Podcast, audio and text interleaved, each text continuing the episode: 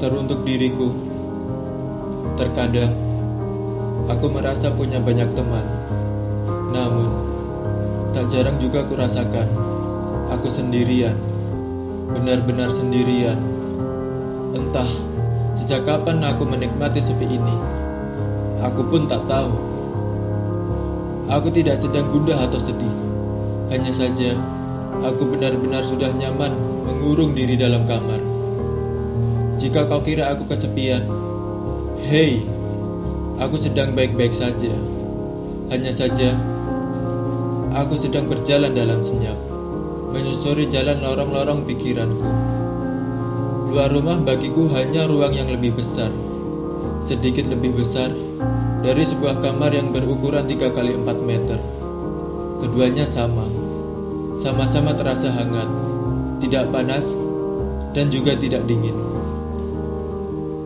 Namun, aku masih tetap berjalan dalam senyap, mengamati orang-orang yang beraktivitas, bagai melihat drama dalam layar kaca.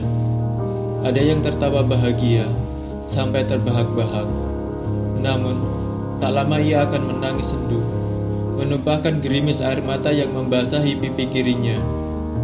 Hai, ada apa dengan kamu?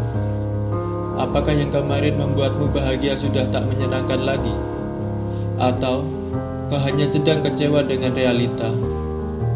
Tak apa jika kau ingin menangis hari ini, tapi esok kau harus tersenyum lagi. Tak apa juga jika kau merasa lelah hari ini, tapi esok kau harus melanjutkan langkah lagi. Dan tak apa kalau kau merasa gagal hari ini, namun esok kau harus mencobanya lagi. Ada yang bilang kehidupan ini seperti sebuah drama, yang episodenya selalu berbeda setiap harinya. Aku setuju dengan pendapat itu. Namun, drama ini bukanlah sandiwara, yang alur ceritanya pun juga tak bisa ditulis ulang. Mau menulis cerita untuk esok pun juga belum ada penanya. Kau tanyakan padaku, lalu ceritanya akan seperti apa? Lalu kataku, hanya untuk hari ini saja.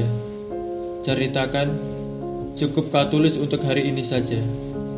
Dan untuk esok yang belum pasti, biarlah tetap jadi misteri.